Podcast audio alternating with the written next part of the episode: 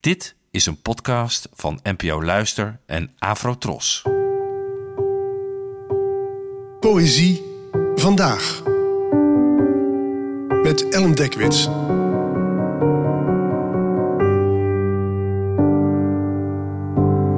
Hallo, fijn dat je luistert. Het gedicht van vandaag heet Jezebel, schuldig, koningin. Het werd geschreven door de Britse dichter Adam Lowe. Zijn geboortejaar is geheim en het werd vertaald door mij. Jezebel, schuldig, koningin. Je noemt me Jezebel, verleidster, afgod, in de oppervlakkige spotlight, marskramer van blasfemie en onnatuurlijke seks. Je noemt me ongeschikt, chockerende steegjes slet, een zaadverkwistende sirene in de bende van de nacht. Je noemt me een koningin, beschilder me als Anna Bolijn. Plak zo op mijn make-up, hongerig en schitterend. Deze parels klamp ik vast als een sexy rozenkrans. Voor je me het zwijgen oplegt, moet je dit weten. Ook al ben ik onthoofd, ik zal zingen. Ik zal de geschiedenis ingaan. Het is vandaag bevrijdingsdag, althans, we vieren het eindigen van de bezetting in het Europese deel van het Koninkrijk der Nederlanden. Nederlands-Indië zou pas op 15 augustus 1945 van de Japanse bezetting worden verlost. Los hiervan, volgens de campagnes van de overheid vieren we op deze dag vooral de vrijheid. Om te doen wat we willen, zolang we daarmee natuurlijk binnen de kaders van de wet blijven, en om te zijn wat we willen, zolang we dan maar niet al te veel opvallen. Dit gedicht is geschreven door de Britse dichter Adam Lowe.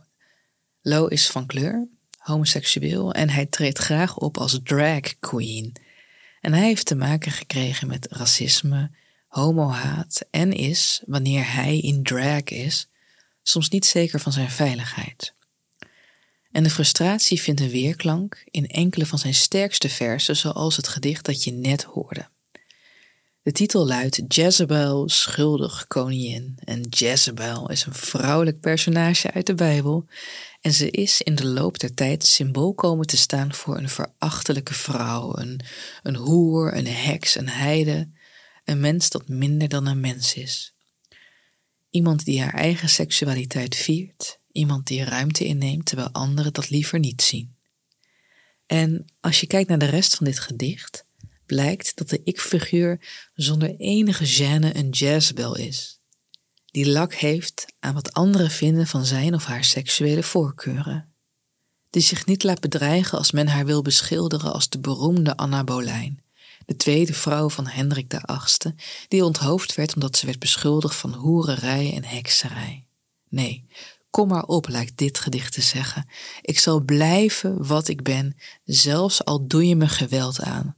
Ook al breng je me om, ik zing door. Ik zal niet verdwijnen in de catacombe der geschiedenis. De haat geeft me niet de vergetelheid, maar laat me juist opvallen en volharden te zijn wat ik ben, wat de rest er ook van vindt. Bedankt voor het luisteren en tot de volgende keer. Afro Tros de omroep voor ons.